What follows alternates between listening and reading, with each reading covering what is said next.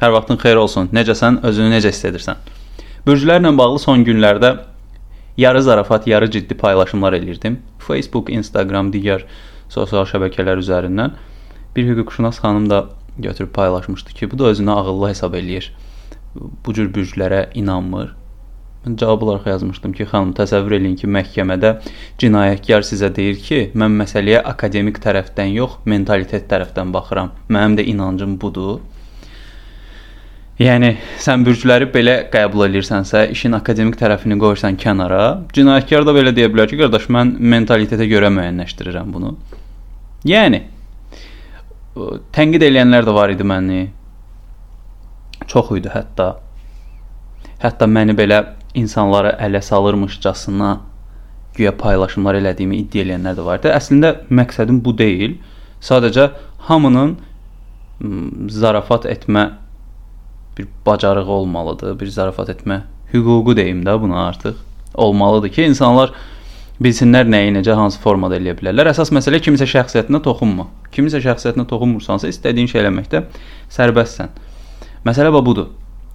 Ona görə düşündüm ki, bir bürclərlə bağlı fikirlərimi də bölüşüm. Nədir bu bürc? Niyə bu bizim həyatımızda önəmlidir?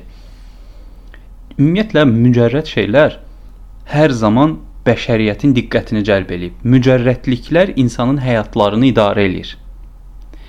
Və bu mücərrətliklər akademik araşdırmalara dayanmayanda, elmi araşdırmalar, analizlər, ümumi nəticələr çıxarılmayanda, sirli qalanda daha maraqlı olur.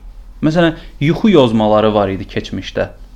Hamı elə bilirdi ki, yuxular Allah tərəfindən peyğəmbərə göndərilir və sadəcə bunu peyğəmbər müəyyənləşdirə bilərdi.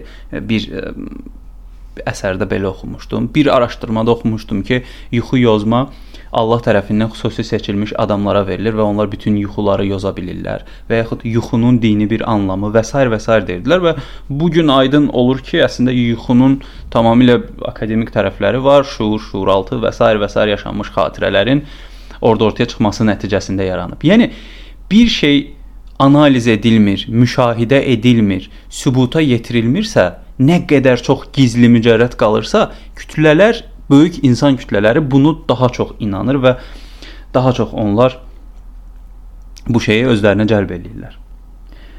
Bürc nədir?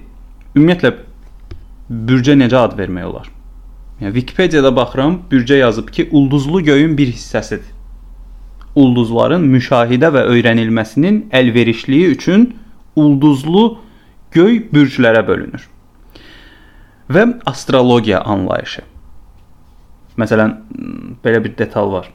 Astrologiya, astro bürc, ulduz, logiya elm sözündən götürülüb. Göy cisimləri onların hərəkətləri ilə yerdəki insanların xarakterləri və sosial əlaqələri arasında əlaqəni hesablayan, təxmin edən, sistemləşdirilən ənənə və təlimlərin bütünlükdə adıdır.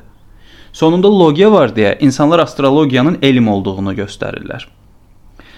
Astronomiya ilə qarışdırırlar. Ayrı-ayrı şeylərdir bunlar. Astronomiya göy cisimləri haqqında olan elmdir. Kainatın kainatda olan obyektləri müəyyən eləyir. Ulduz da kainatın tərkib hissəsidir.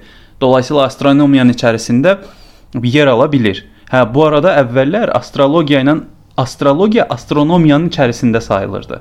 Sonradan artıq elm inkişaf etdikcə başa düşdülər ki, artıq astrologiya bir elm deyil, sadəcə ümumi bir məlumatlar toplusudur. Astronomiya isə tamamilə elmdir. Yəni cəmaət bunu araşdırır. İxtisas var burada.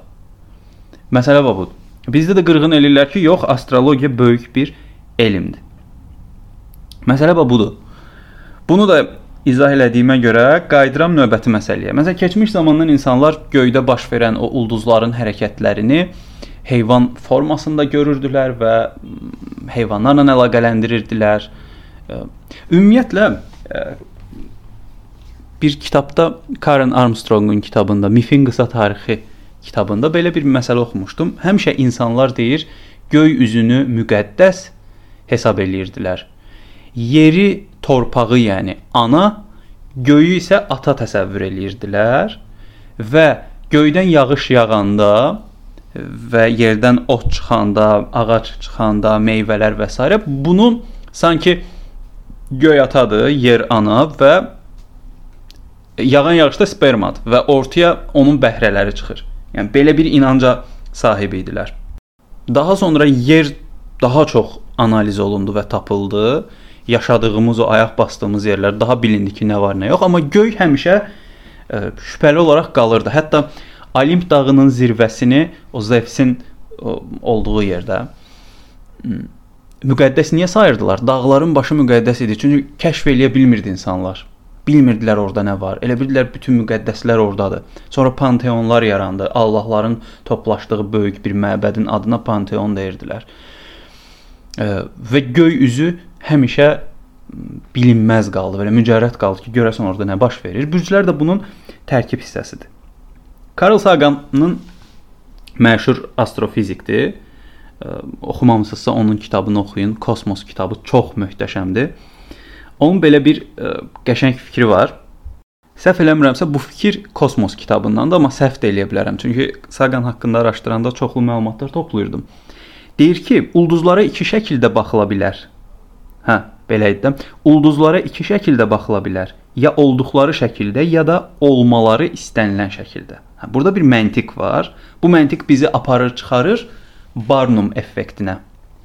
Məşhur showman 19-cu əsrlərdə məşhur olub o, həmin showman Taylor Barnum. Biz onu o vaxtı marketinqdə keçirdik, sonra neuromarketinqdə də keçmişdik. Barnum effektinə görə nədir? Yəni anlayışı, açılışı belədir ki, insanların bir sıra xüsusiyyətlərinin yalnız onlara mənsub olduğuna inanmasıdır. Aa, burada belə bir şey çıxır ortaya sən beynində etdiyin davranışların, xüsusiyyətlərin yalnız sənə aid olduğuna özünü inandırırsan. Hə, bu baxımdan bürclər də belə ola bilərmi? Biz doğuluruq, doğulanda bilmirik kimik, hansı formadayıq, amma doğulduğumuz günə görə, aya görə bizə bir bürc müəyyənləşdirilir və mən böyüdükcə, ətrafımda xatirələri topladıkca həmin bürclərə uyğunlaşıram və həmin bürcdə yazılan bütün məlumatların özümə uyğun olduğunu zənn eləyirəm və həmişə özümlə buna bəraət qazandırıram. Sosial psixologiyada sərfəli evristika var. Availability heuristic. Bu nədir? Böyük insan kütləsi hər hansı bir fikri söyləyən zaman, daha doğrusu, hər hansı bir fikri söyləyən zaman onun arxasında böyük bir insan kütləsi dayanırsa, o fikri söyləyən adam həmin fikrin düppədüz olduğu qənaətinə gəlir. Hə, burada sual yaranır ki, bu nə dərəcədə düzdür yoxsa yox. Yəni kütlə sənin qərar vermənə əməlli başlı təsir göstərə bilər. Çox qəribə bir şeydir. Bu Barnum effektinin içərisində də var. Deyir insanlar onların şəxsiyyəti və gələcəyi barədə yazılmış məlumatların fərdi olaraq məhz onlar üçün yaradıldığını güman eləyirlər. Bax, inanmağın kökündə dayanan əsas məsələ budur. Biz inandırma psixologiyası və manipulyasiya ilə bağlı təlim keçəndə də bundan danışırıq. Sadəcə sənə xasdır, sənə məxsusdur. Təsəvvür edin ki, oturmuşuq sizlə söhbət eləyirik. Mən sizdən belə bir belə bir cümlə qururam. Deyirəm ki, danışırsınız bayaqdan. Sizdə iki əsas şeyi müşahidə eləmişəm. Hiss olunur ki, çox bacarıqlı birisiniz və fikirləriniz həqiqətən də maraqlıdır. Sadəcə özünüzü tapmaqla bağlı, özünüzün o mövqeyini müəyyənləşdirməklə bağlı biraz çətinlik çəkirsiniz. Buna kənarda olan insanlar da daxildir. Yəni insanlar sizə təsir göstərir. Amma bilirsiniz, e, istəsəniz bu təsirdən çıxacaqsınız, amma tam da bunu bacara bilmirsən də. Bu şəkildə danışsam, qarşımda olan 100 insandan bəlkə 100-ü də deyəcək ki, məndən danışırsınız. Çünki burada istifadə elədiyim cümlələr həm ümumidir, ümumi cümlələrin içərisində mən qarşıdakı danışdığım insanın səviyyəsini yüksəldirəm. Həmin bu yüksəldilmə prosesi də sənə təsir göstərir. Deyirsən ki, "A, adam məni necə çözür, necə analiz eləyir?" Barnum effekti nə idi? Yalnız insan düşünür ki, o xüsusiyyət yalnız sənin özünə məxsusdur, mənə məxsusdur. Bax, işin görürsüz akademik tərəfinə girəndə nə qədər maraqlı məlumatlar ortaya çıxır. Yəni insanın beyni inanmaq üzrə fokuslanıb bilməkdə bir mexanizmdir. Bu mexanizmləri balanslı şəkildə apardığımız zaman ortaya bir nəticə çıxır. Mənim bürcüm balıqlardır astrologiyaya görə. Deyirlər ki, balıqlar çox duyğusal olurlar, çox emosional olurlar, romantik olurlar və s. belə adlar qoşurlar. Amma bunu bütün insanlar ola bilər də. Bu xüsusiyyətlər sadəcə bunda çoxdur.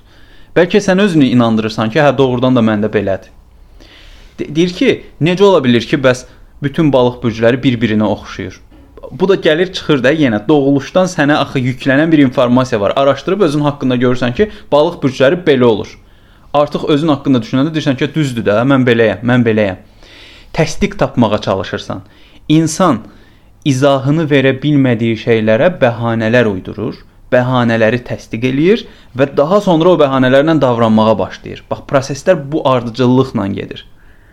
Uzun sözün qısası. Burdan ümumiyyətlə mən kiməsə məsləhət, tövsiyə vermək, yol göstərmə işi ilə məşğul deyiləm və belə bir şeyin olmasını da çox da doğru qəbul eləmirəm bir fikrimi demək istəyirəm. İnanırsan öz seçimindir, bilirsən öz seçimindir, amma bunu balanslı apar.